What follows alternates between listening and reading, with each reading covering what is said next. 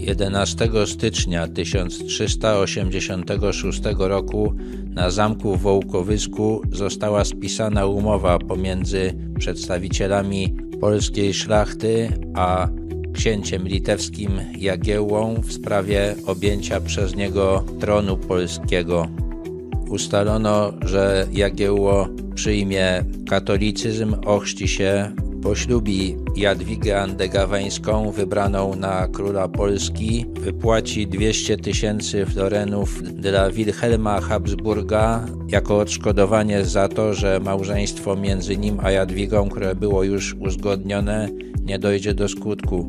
Jagiełło zobowiązywał się też do tego, że zostanie wprowadzony w jego państwie katolicyzm, że wszyscy jeńcy polscy wzięci do niewoli w konfliktach, które wybuchały między Polską a Litwą zostaną zwolnieni, a Wielkie Księstwo Litewskie zostanie połączone z Królestwem Polskim.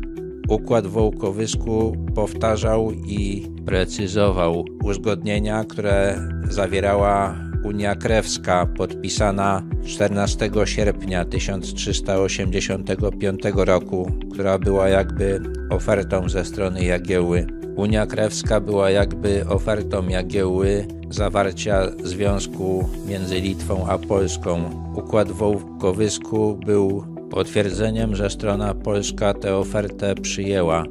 Dalsze wydarzenia przebiegły już szybko. 2 lutego 1386 roku Jagiełło został wybrany królem przez Sejm Walny obradujący w Lublinie.